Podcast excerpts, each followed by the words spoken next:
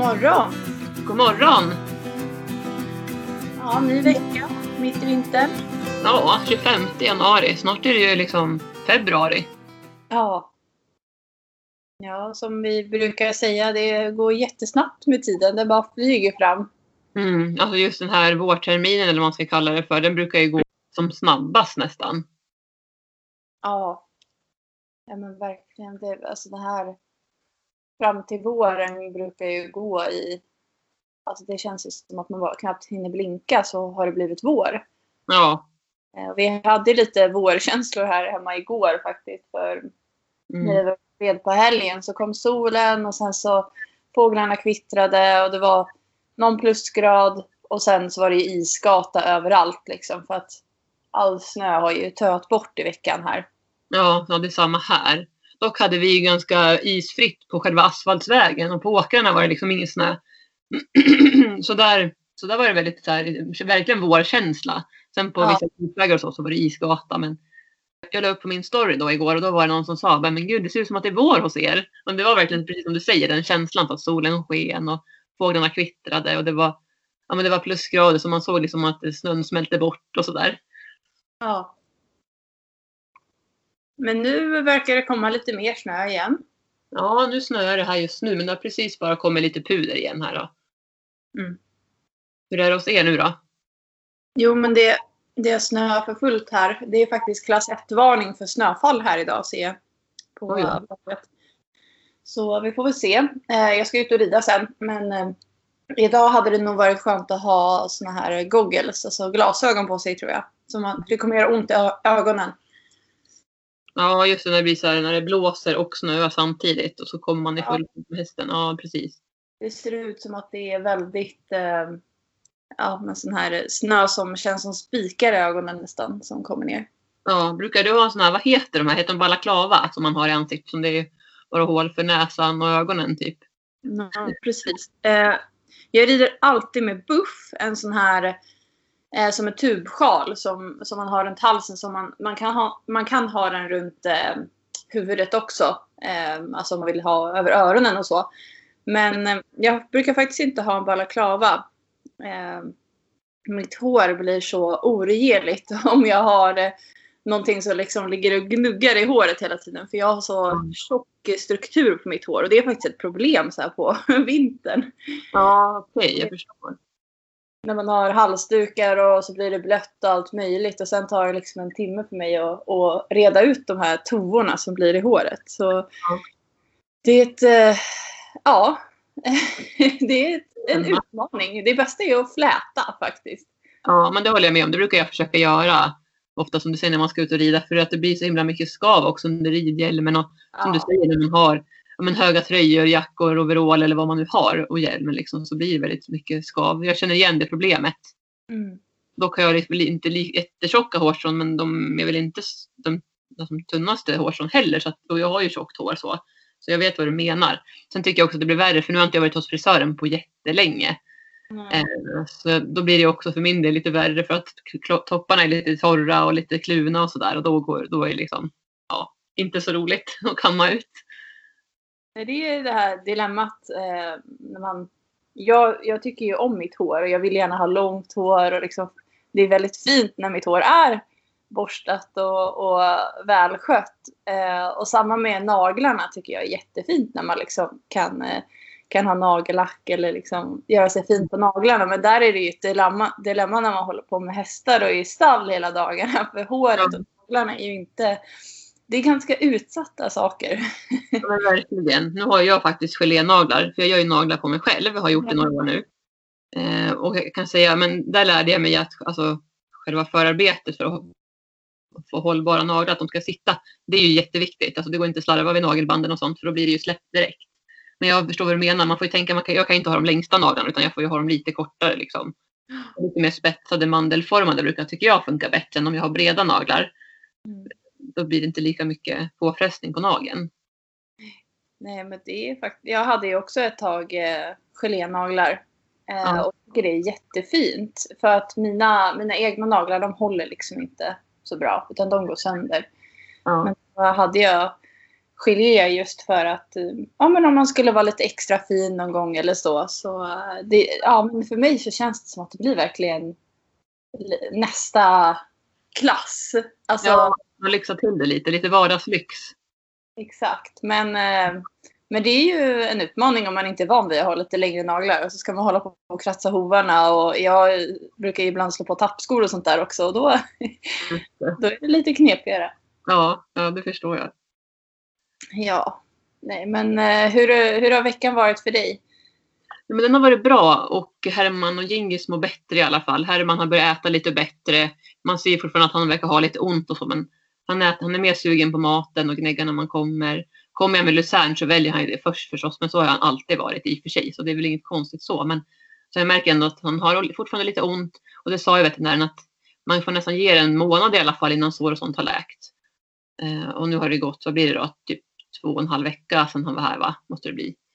Um, så att, men det är ändå bra att det går åt rätt håll. Och Gingis har ju fortsatt varit väldigt pigg och sådär så att det känns som att magsårsmedicinen har hjälpt honom. Mm. Um, så det känns bra. Så nu, just nu så går det åt rätt håll i alla fall med dem. Uh, sen har det däremot, då, precis som vi pratade om, varit ishalka. Så hela vår ridbana är full med tjock is. Och det blir ju så. Jag tänkte, eh, så här efterhand, man hade vetat att det skulle töa så hade jag nästan låtit bli att tränat dem på ridbanan. För då hade det inte varit lika isigt där nu. Det blir ju så när man trampar omkring där inne. Ja. Och så, då blir det liksom is när det väl smälter.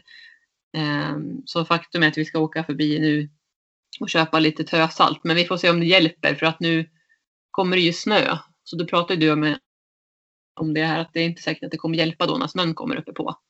Men det kan vara bra att ha om det töar igen eller till våren då för att snabba på lite grann och få bort isen. Så att jag har fått gjort så nu att vi har ridit ut här. I lördags så var min medryttare här så hon red på Herman, Barbacka och så red jag på Abbe. Så red vi upp till ridhuset då.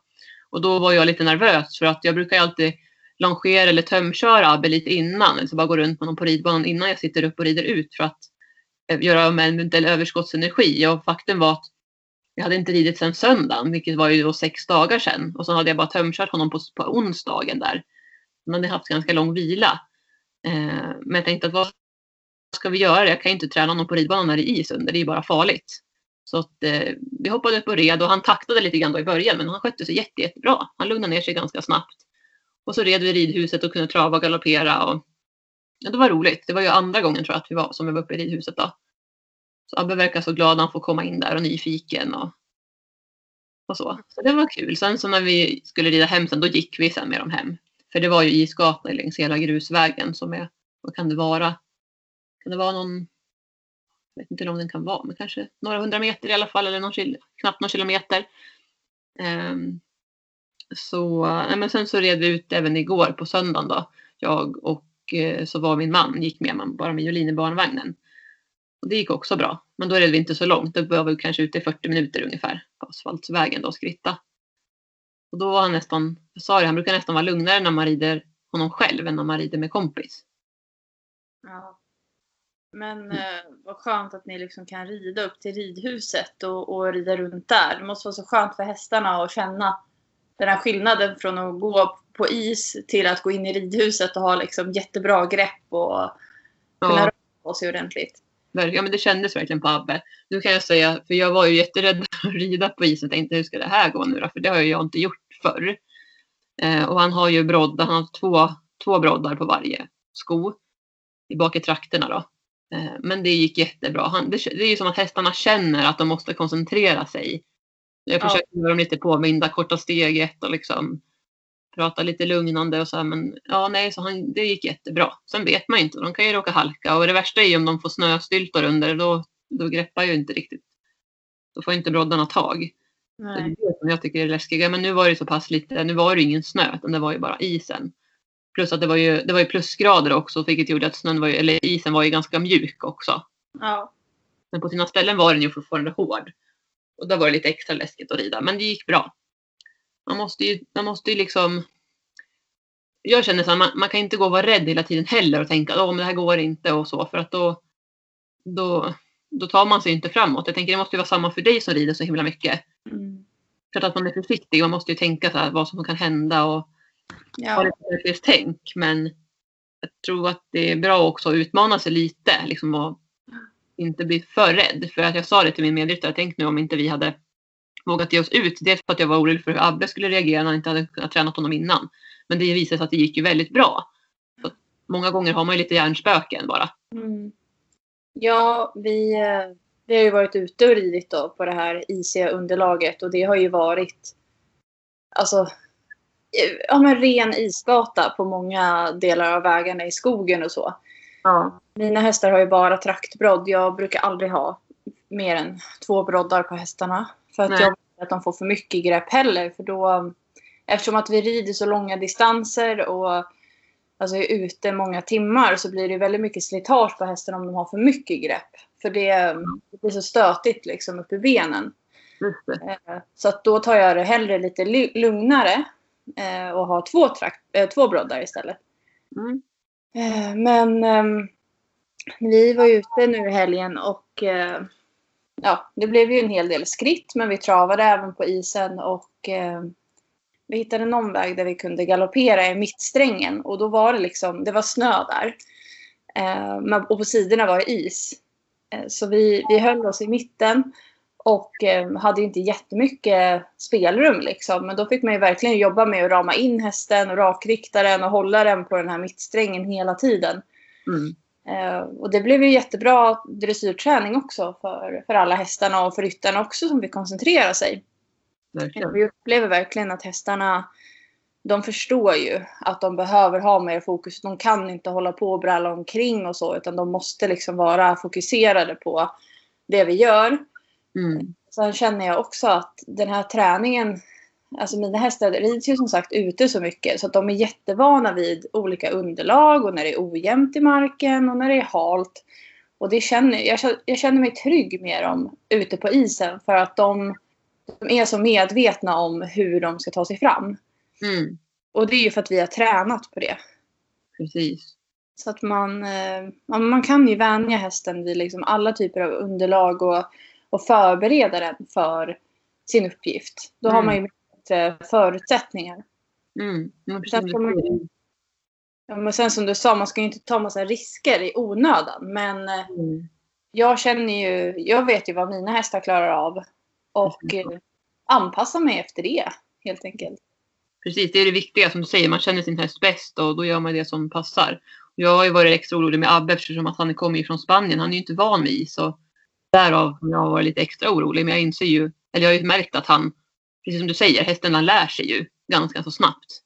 Och jag menar, han är ju ändå i hagen nu och de har ju is i hagen också på sina ställen. Så han har säkert halkat till där och förstår ju liksom att här måste jag ta det lite lugnt. Och han gick även omkull på ridbanan ett par tillfällen, två dagar på raken liksom, i snön. För att han sprang och brallade runt så mycket. Och det gick ju bra, det var inga problem så. Men jag tror att där blev han, fick han sig säkert en tankeställare. Liksom. Oj, vad, först så här, oj, vad hände? Sen andra gången, då måste han ha förstått att Ja. jag kan inte hålla på och springa hur som helst.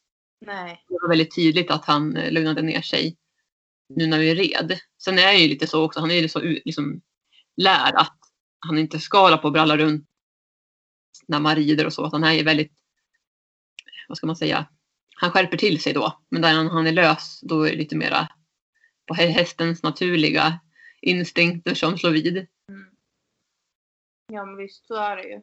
Ja, Man kan ju inte hindra dem från att springa i hagen heller. Som mina brukar göra då och då när de håller på och busar och brallar omkring. precis. Nej, men det går ju inte. Förra veckan presenterade jag ju min hafflinger Herman och nu tänkte vi att du skulle presentera ett par av dina hästar. Ja, jag har ju ett par stycken att avverka så vi får se om vi kanske hinner med två stycken eh, i de avsnitten som jag berättar om mina hästar. Mm. Men eh, jag tänkte jag tänkte börja med att eh, berätta om eh, Shaman. Mm. Som, ja de, jag tror att alla som har lyssnat på vår podd en hel del och även då som följer mig på sociala medier och så vet ju mycket väl vem Shaman är. För det är den hästen som jag har tävlat mest med, eller på högst nivå.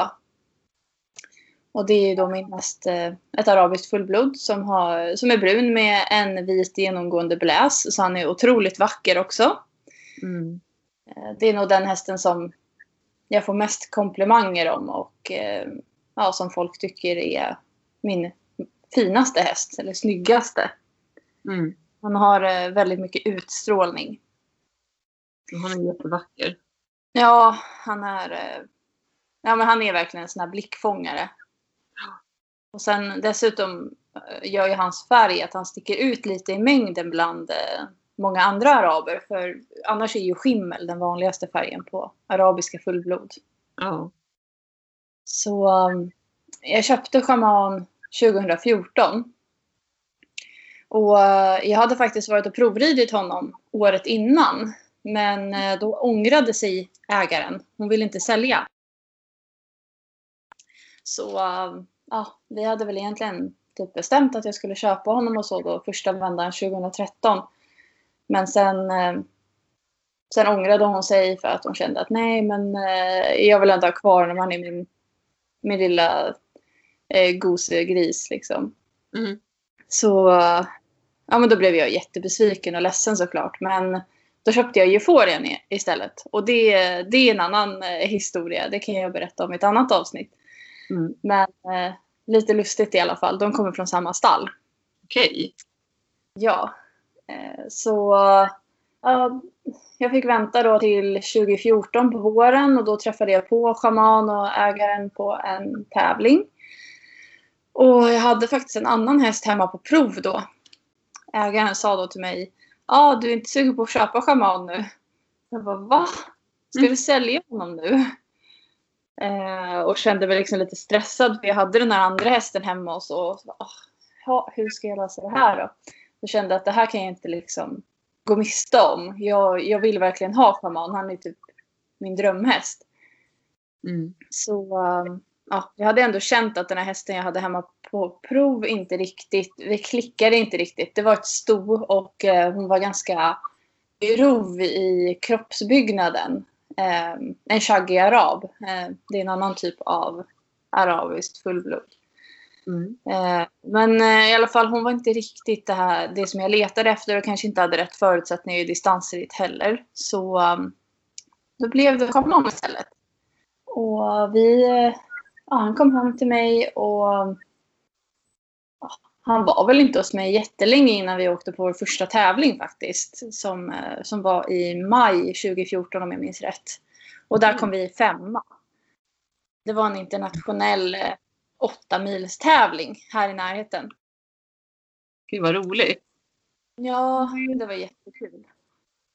Eh, och ja, men eh, vi tränade väl på och sen typ en månad efter den tävlingen då var det dags för Young Rider SM. Eh, alltså SM för unga ryttare upp till och med 21 år.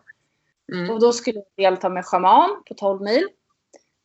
Eh, och vi var ju typ favorittippade bland några personer i alla fall. För att de visste ju att schaman var en fin häst och jag var så ambitiös och sådär. Men det gick ju helt åt skogen.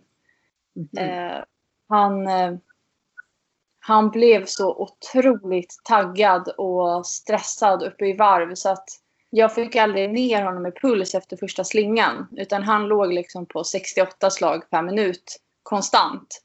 Eh, och 64 är gränsen. Så det var ganska surt. Det var liksom fyra slag för högt. Eh, men, men han var helt galen. Alltså han bara snurrade omkring och gnäggade. Och jag hade inte sett den här sidan av schaman tidigare. Och inte mina föräldrar heller. Så att vi gick ju där på tävlingen och blev uteslutna och kände men vad är det här? Eh, för som sagt, vi kände ju inte honom så väl. Eh, och ja, jag, jag var ganska ung då. Jag kommer inte ihåg riktigt hur, hur gammal, men jag var ju under 21 då som sagt. Och mm, jag fick ju kanske inte, jag hade inte den kunskapen som jag har idag heller, utan ja, men, jag var lite mer ovetandes kring varför det kan bli så här. Eh, Men allt eftersom tiden gick då så, har jag, så lärde jag mig mer och mer hur schaman fungerar. Och han vill gärna han vill känna sin ryttare väl. Mm. Eh, Han behöver ha en trygg ryttare som kan vägleda honom om han blir för taggad eller nervös. Ja, men han har haft mycket liksom han har behövt jobba mycket med sitt självförtroende för att han har varit så osäker i perioder. Och när eh, en hästen är osäker så, så har den ju lättare för att bli stressad och nervös. Så eh, vi, har jobbat vi har jobbat jättemycket med eh, hantering från marken, ledarskap, mycket, mycket horsemanship. Ehm, vi har, alltså jag har utsatt honom för saker som han har tyckt var lite läskigt. Till exempel kan det vara en plastpåse. Mm. Eh, som han kanske tycker är läskigt. Och då när han sen lär sig att ja, men jag vågar ju faktiskt nosa på den här plastpåsen. Då blir hans självförtroende bättre och eh, ja, så går han framåt och blir mindre osäker i sig själv. Så det har varit väldigt mycket sånt arbete med honom. För själva grundfysiken har han ju alltid haft. Han har varit otroligt vältränad och han är väldigt stark och har en rejäl kropp liksom. Men mm. det är ju mentala vi behöver jobba med och som, mm. som vi alltid troligen kommer behöva underhålla i alla fall. Ja, där är ju alla hästar olika som du säger liksom. Och det är bara att gå in och titta på vår Instagram för där lägger ganska mycket bilder på Kaman. Hon är jättevacker. Ja. Den här bruna färgen. Ja, ja men precis. Och, eh, alltså det är ju så. En tävlingshäst behöver ju, den be, det räcker inte med att den bara är väldigt vältränad och, och har de förutsättningarna. Utan den behöver ju också ha den mentala biten. Ja. Och ja, vi... Alltså ägaren som, som sålde honom till mig, hon, hon sa ju det. Jag, hon trodde inte att han skulle bli mästerskapshäst och så för att hon trodde inte att han skulle kunna klara av de sammanhangen just på grund av det mentala. Mm.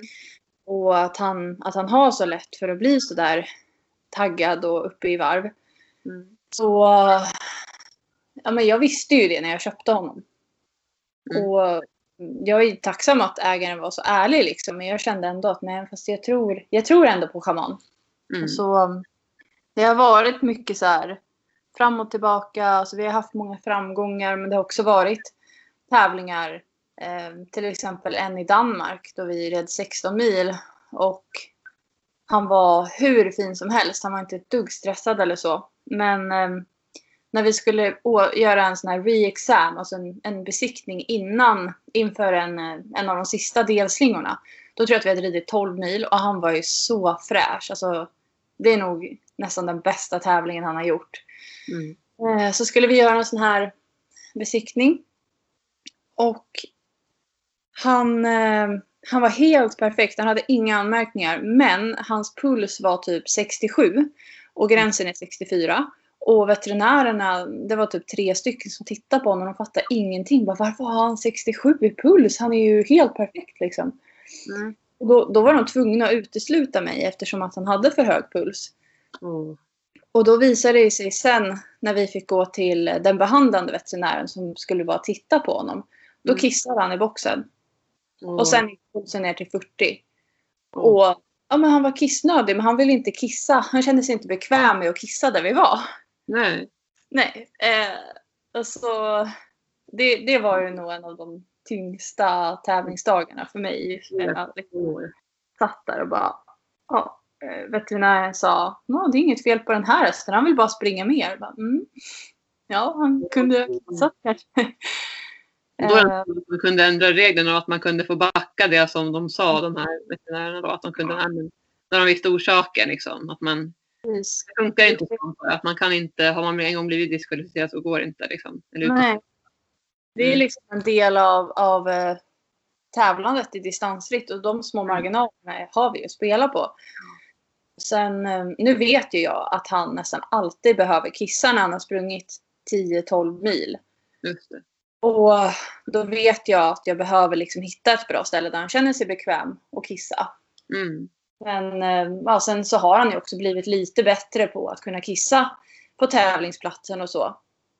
Eh, men, men som sagt, det har varit mycket så här upp och ner och, och so små saker jag behövt hantera. Mm. Sen efter den där tävlingen åkte vi till Estland och red 16 mil och vann den tävlingen. Och där var han ju också fantastiskt fin. Så att, eh, ja men det var jag väldigt, väldigt glad och, och stolt över. Så lite mot oddsen så, så blev vi ju till slut sen kvalade till EM. och deltog 2019 i EM i England, i Houston Park. Mm. Och där var det ju över 100 hästar tror jag som startade i ett stort fält. Alltså ute på, på ett öppet fält. Wow. Ja, och där, där fick jag ju verkligen prova det här med om man kunde hantera och starta i en, ett sånt sammanhang. Ja. Eh, och jag hade verkligen lagt så mycket tid just på den, menta den mentala träningen med honom inför den här prestationen. Mm. Och jag är väldigt nöjd med hur han var på EM. Även om vi, vi blev uteslutna och han, han, hade, alltså han hade lite problem med pulsen där. Men han var inte alls så stressad som, som han kan bli.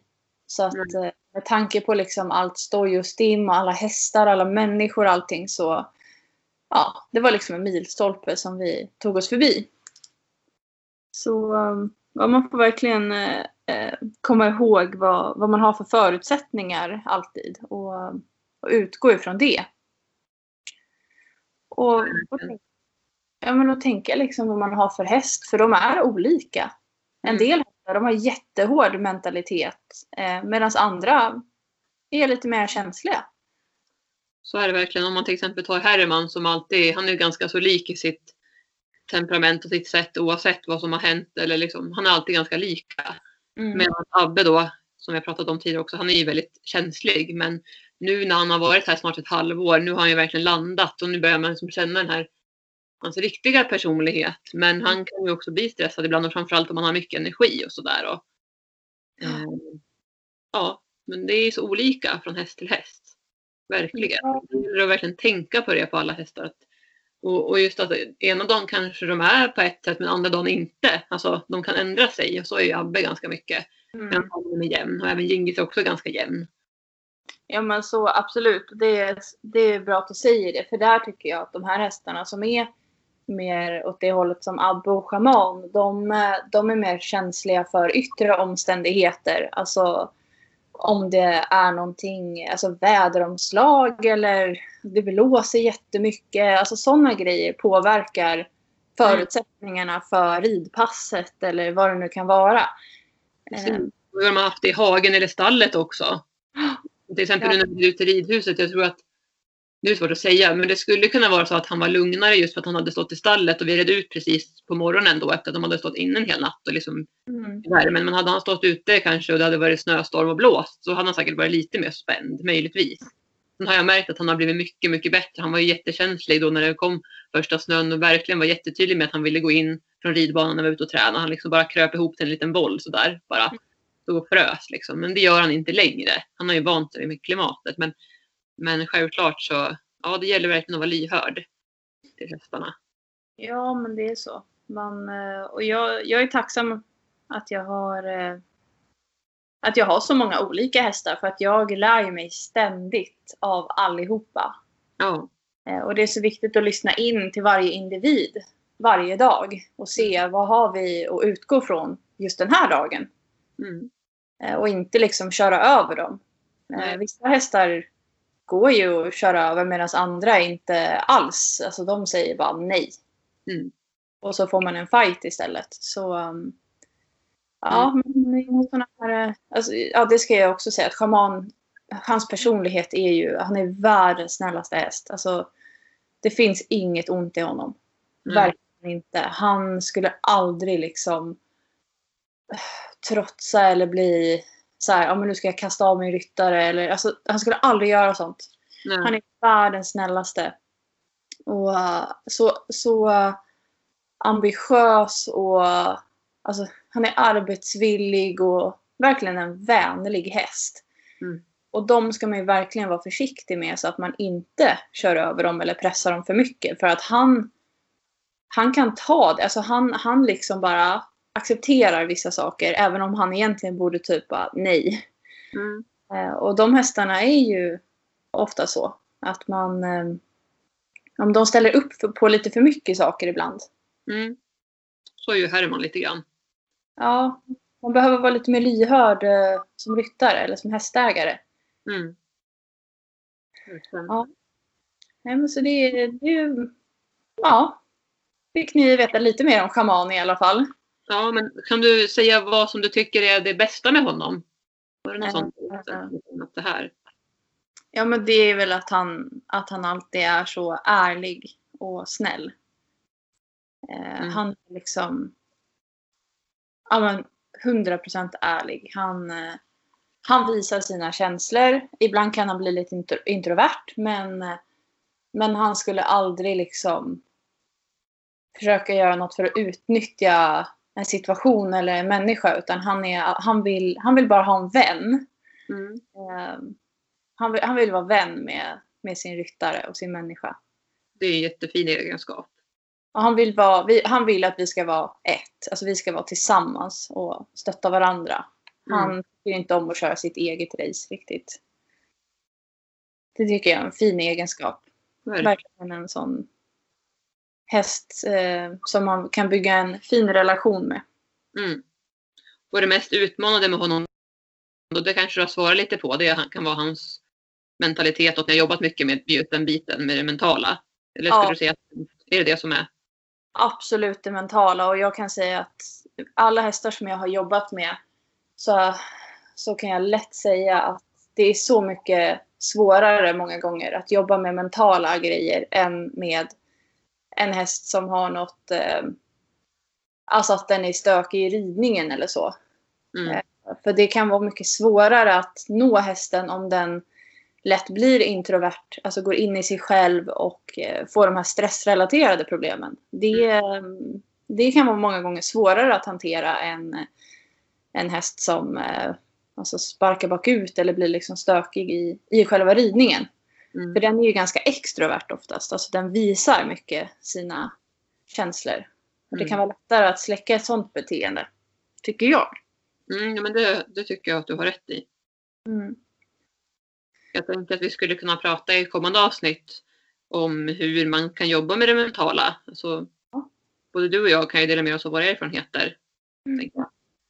Ja, absolut. Där, och där får ni får gärna höra av er och ställa frågor. Och undrar ni någonting specifikt om hur jag har tränat schaman eller, ja, eller hur vi har tränat någon annan häst just när det gäller det mentala så får ni jättegärna höra av er.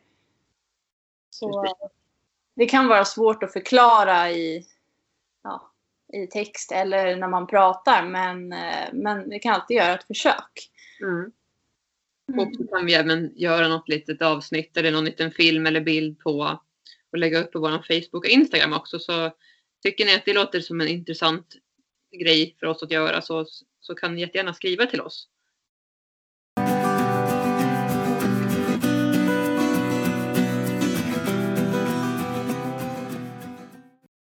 Ska du hinna presentera en till häst idag? Vad tycker du? Ja, men jag tänkte ju då presentera Shah Sohar som också är ett arabiskt fullblod. Och ja, jag vet inte om det riktigt eh, om jag sa det eller det framgick säkert. Men schaman är ju då i huvudsak en distanshäst. Och det är eh, Sohar också. Mm. Eh, de, eh, ja som med alla hästar så, så tränar jag ju dressyr och hoppning och, och lite sånt också. Men i huvudsak är det liksom fokus på distansritt med båda de här två. Mm. Så här köpte jag 2012. Och då var han två år gammal. Mm. Ehm, ja, jag, han var faktiskt min första renrasiga arab. Mhm. Ja, innan dess så, så har jag haft eh, arabkorsning. Men, men jag hade aldrig ridit på en helt renrasig arab faktiskt. Utan jag köpte en tvååring och, och tänkte att nej, men araber kommer passa mig. Ja. Eh, och han, han var ju då hingst. Mm. Och eh, ja, men han hade haft det jättebra hos sin uppfödare där han stod då när jag köpte honom. Men han var inte särskilt mycket hanterad. Alltså det var den här vanliga dagliga hanteringen liksom. Mm. Eh, och sen så hade vi, ja vi åkte ner dit till Västervik och, och köpte honom. Och så eh, fick han ju då gå i eh, en egen hage då eftersom att han var hingst. Mm. Och jag hade faktiskt tankar på att kanske, kanske behålla honom som hingst just för att han hade så otroligt fin stam. Så jag, Mm. eh, ja, men jag provar och ser hur han är. Ja. Och ja, vi, vi jobbade mycket med hantering, horsemanship och ledarskap med honom eh, från tidig ålder. Alltså direkt när jag fick hem honom. För att lägga en bra grund för eh, inridningen. Och sen, eh, sen så började jag liksom rida in honom och allt gick väl jättebra. Tills en dag då jag, det var faktiskt sånt här alltså snölandskap då och eh, det blåste lite grann. Mm. Och jag red inne i vår hage. Eh, och det var inga hästar där ska jag säga utan vi, vi red där bara. En inhägnad jag och han. Mm. Så bad jag min pappa att eh, släppa grimskaftet och koppla loss oss. Eh, och det var ju inte det var inte så genomtänkt eller ja. Nej, Mm. Där hade jag kunnat vara mer försiktig liksom. För eftersom det blåste den dagen så, så var det lite mer riskfyllt. Eh, och det blev så att snön liksom yrde upp bredvid oss och han blev lite rädd. Mm. Och började liksom trava iväg. Och då blev han ju rädd för mig som var på ryggen för vi hade inte börjat trava ännu. Mm. Och då fick han panik och så skenade han och jag ramlade av. Och det här var ju då när han var tre år. Ja. Och han är en väldigt explosiv, känslig häst också. Eh, och jag kände, jag var inte så gammal då heller och kände att nej men jag behöver ha hjälp. Eh, för eh, alltså jag satt upp på honom igen och sådär men jag kände mig ändå lite osäker. Mm. Så jag tog faktiskt då och ställde honom i, i träning hos en vän till mig som heter Elin. Och det var faktiskt tack vare det som jag lärde mig ännu mer om horsemanship. För att hon, hon jobbar enligt de metoderna som jag använder nu. Så Mm. där fick jag, fick jag lära mig mera om eh, hur man rider in en häst på ett säkert sätt och utbildar den och så. Eh, så att, ja, jag kan väl säga att jag liksom är glad för ändå att det blev så. För tack vare det så, så har jag utvecklat så mycket. Eh, ja, men eh, resan därefter har väl liksom gått framåt eh, ja, på ett bra sätt. Och jag lärde känna så här mer. Alltså, han var ju fortfarande hingst då. Mm. Men eh, någonstans där när han var fyra så kände vi liksom att nej men vi tar och kastrerar honom. För att fokuset som jag ska ha, det, det är liksom, jag vill tävla med hästen och, och ha kul på det sättet. Jag vill inte ha en häst för att avla. Nej. Eh, och han var ganska tuff i psyket. Eh, till skillnad från schaman så är han, han har väldigt hård mentalitet. Mm. Och framförallt då när han var hingst så blev det ju väldigt tydligt. Så, um, så vi kastrerade honom då. Och sen, eh, sen har han ju liksom bibehållit den här hårda mentaliteten och jag tror delvis att det är lite, lite hingstigt. Liksom. Han har kvar en del av det hingstiga och jag, jag tycker om det hos hästar. Mm. Eh, Så um, hans personlighet är väl...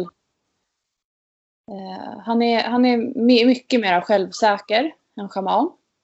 Eh, men han kan samtidigt bli osäker och då vill han verkligen ha med sig ryttaren. Han tycker inte om om ryttaren börjar bli osäker och vela och så. Om Nej. han känner sig otrygg. Sen är han ju väldigt eh, snabb Mm. och uthållig.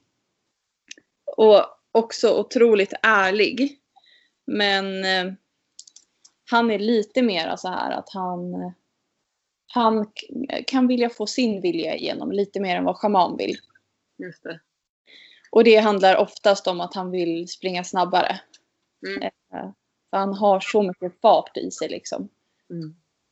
Så eh, i och med att han är så fartig så har han inte särskilt många olika ryttare som rider på honom utan det är liksom jag och sen kanske det är två, tre andra ryttare som, som passar verkligen med honom. Mm. Eh, För att han har så mycket energi eh, som han Alltså som han använder på ett väldigt fint sätt. Han, han vill verkligen jobba, han är arbetsvillig och så men ehm, en, alltså, en del ryttare tycker att det är lite läskigt med energi också. Mm. Att det liksom... Ja, men de, jag vet inte om man blir rädd för att det ska hända någonting eller att hästen ska liksom sticka iväg eller så. Mm. Um, och det, det tycker inte så här om. Han gillar som sagt inte om ryttaren blir osäker. Så att han vill, han vill ha mycket fart men han vill att ryttaren ska vara med på det. Han vill inte vara själv om att liksom, nu ska vi springa. Nej. Eh, Nej, men det förstår jag. ja, Det är, alltså, det, det är nog ganska vanligt. Alltså att de, hästarna vill ju känna att de har en ledare i sin ryttare då. mm, De kan känna sig trygga. Men som du säger, alla är olika känsliga för det liksom. Men ja, på vissa hästar blir det väldigt tydligt. ja, Jag kan tänka mig att Abbe kommer vara också så att han eh, ja, men att han vill känna att han har ryttaren med sig. ja, Att man kan lugna hästen eller vad det nu är man behöver göra. Mm, intressant. ja. Och han, eh, jag ska väl också säga att det är min flockledare så här. Okej. Han, eh, han är en väldigt eh, stark ledarhäst. Eh, han är tydlig i sitt ledarskap och behöver sällan liksom säga till de andra ordentligt. Utan han har en sån här utstrålning att nu kommer jag, alla flyttar på sig. Mm. Eh, och det, ja, men det är typ den bästa typen av ledare tycker jag. Eh, det är, de andra kan känna sig trygga i att ha honom omkring och han behöver liksom inte hävda sig riktigt i flocken utan han har sin position. Mm. Så, han har den utstrålningen naturligt. Mm. Och det kan man nästan se när man, när man kollar på honom på bilder eller om man träffar honom att han, han har mycket pondus liksom. Ja. Och det håller jag med om. Ja, men han är, han är liksom en ståtlig häst. Så. Och, ja, men eh, när vi tävlar så är ju han, han har ju som sagt otroligt mycket fart i sig. Så att han är en sån häst som, som lätt skulle kunna, alltså vi hade lätt kunnat bara vinna jättemånga tävlingar av de vi har startat i. Eh, om jag hade låtit honom få som han vill. Eh, men då hade det troligen resulterat i skador eller annat eh, på sikt. Mm. Så att jag har verkligen fått bromsa mig fram i distanstävlingarna med honom. Ända fram till nu egentligen. Just. Just för att jag har inte, alltså, vi har inte kunnat rida i den, den hastigheten som han vill och som han känner liksom att ah, det här är mitt tempo. Mm. Att då har det varit ja, men dåligt för hållbarheten helt enkelt. Mm. Och där säger du någonting jätteviktigt ju. Ja, Att man förstår sitt eget bästa, om man säger så. Utan där behöver vi ju använda våra kloka hu huvuden och liksom tänka på hästens bästa som du säger. Eftersom att det är också lång, långa distanser ni rider så måste det vara hållbart. ja. Mm. Och um, som sagt, de vet ju inte riktigt, de vet inte alls hur långt de ska springa och Nej. Eh, jag kommer ihåg första gången jag lät honom eh, gå i, i hans tempo på en tävling. Det var väl, jag undrar om det var kanske hösten 2018. Och då, um, då var det en fem mil som vi red och vi vann den då.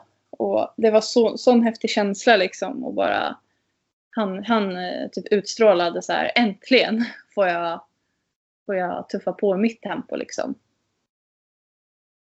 Um, och sen, sen är det ju så att så här har ju varit en riktig, riktig olycksfågel. Vi har haft, jag vet inte hur många olika skador. Han har gjort illa sig i hagen och allt vad det är. Så att det har varit riktigt allvarliga grejer också med honom. Då det faktiskt har varit så att eh, ja, vid i alla fall ett tillfälle, då var det ju frågan om han ens skulle gå och rida på igen.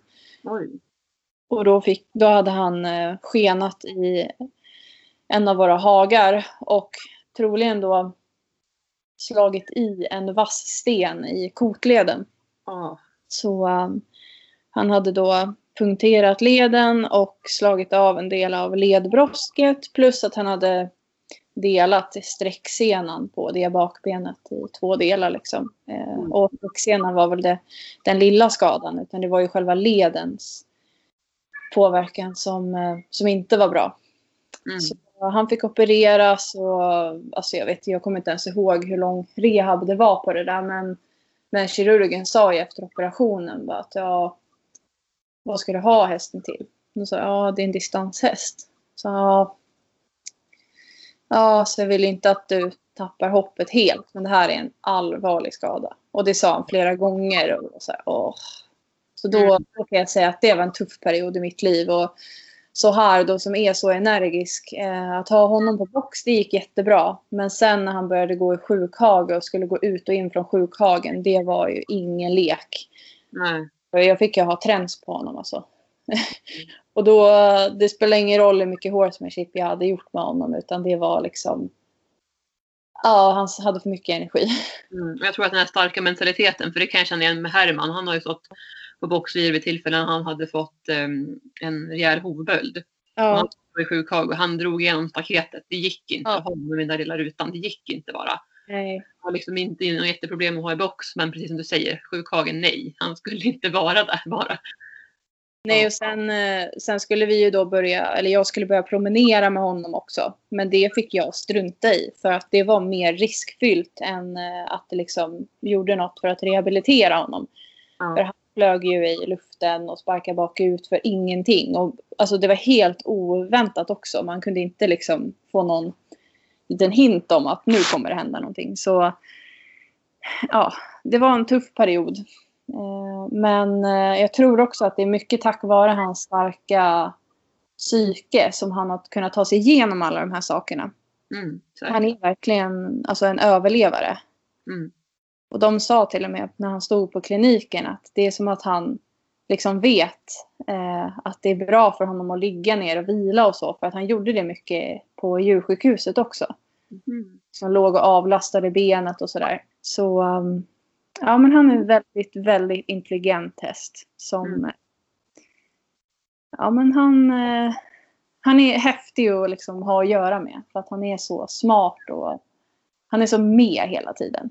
Mm, man får verkligen den känslan när du berättar om honom. Ja. Det låter som en, en tuff häst men liksom en väldigt också snäll häst och rolig häst. Absolut, han är det bästa av två världar liksom. Ja, verkligen. Vad skulle du säga är det bästa med honom då? Mm, det är nog eh, alltså hans eh, lyhördhet. Eh, det, han är helt fantastisk att alltså, jobba med när man kommunicerar med honom från marken och så. Han är otrolig på att läsa signaler och mm. Alltså där ser man verkligen hur lite jag behöver flytta min kropp för att han ska följa med och liksom förstå vad jag vill. Mm. Och det är ju någonting som man tar med sig upp på ryggen också. Så att, eh, alltså han är otroligt lyhörd även när man rider. Ja. Och uh, som sagt väldigt arbetsvillig men samtidigt så är han egensinnig och han har egen vilja. Han vet vad han vill. Men uh, han kan liksom acceptera ibland att vi inte kan göra på hans sätt. Mm är det det som är själva utmaningen då, om man ska säga en utmaning? Det här att han har en egen vilja och vill springa fort? Och... Ja, det är det. Ja. Han, han, är ju så otroligt känslig för hjälperna så att om han blir taggad eller liksom så här vill iväg, då kan, han absolut inte bara hålla fast honom för att då blir det mycket värre. Ja. Utan att fortsätta och liksom jobba med halvhalter och bara vara mjuk själv och sitta stilla och ta det lugnt så att inte du bara så här ah, börja ta i tyglarna och röra det jättemycket i sadeln eller skumpa och så. För då blir det tio resor värre. Då är han ju då har han mm. sprungit iväg från det liksom. Ja. Så um, ja men det är liksom en, eh, en, en häftig utmaning. Och, alltså jobba med en sån häst som är så arbetsvillig och ambitiös men samtidigt har så mycket egen motor och vill så mycket. Ja, vad spännande att höra. Kul. Jättefina hästar har du verkligen. Ja, tack. Du också. De är ju, det är ju roligt. Vi har ju verkligen helt olika typer av hästar. Eller, deras personlighet kan ju faktiskt likna varandra lite, men eh, raserna är ju väldigt olika. Ja, och sen individer. Alltså det, är, det blir så tydligt också när man berättar om sina hästar och så. Så inser man att alla hästar är ju verkligen olika. Även om de har mycket likheter så är de verkligen individer precis som vi människor. Ja. Oh ja. Mm.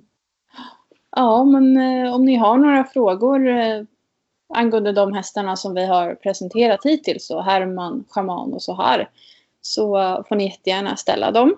Eh, och vi kommer ju att presentera de andra hästarna också. Det kommer ju framöver i avsnitten. Så om ni har frågor om de som vi inte har pratat om ännu så kan ni liksom hålla till godo lite. Så får ni, kanske ni får svar på frågorna när vi presenterar hästarna. Mm. Det låter bra. Mm. Ska vi säga så då för den här veckan? Ja, det tycker jag. Får vi önska er en, eh, en trevlig fredag när avsnittet släpps och en fin helg och ja, en fin vecka tills vi hörs igen. Precis. Ha det så bra. Ha det så bra. Kram, kram. Hej då. Kram, kram. Hej då.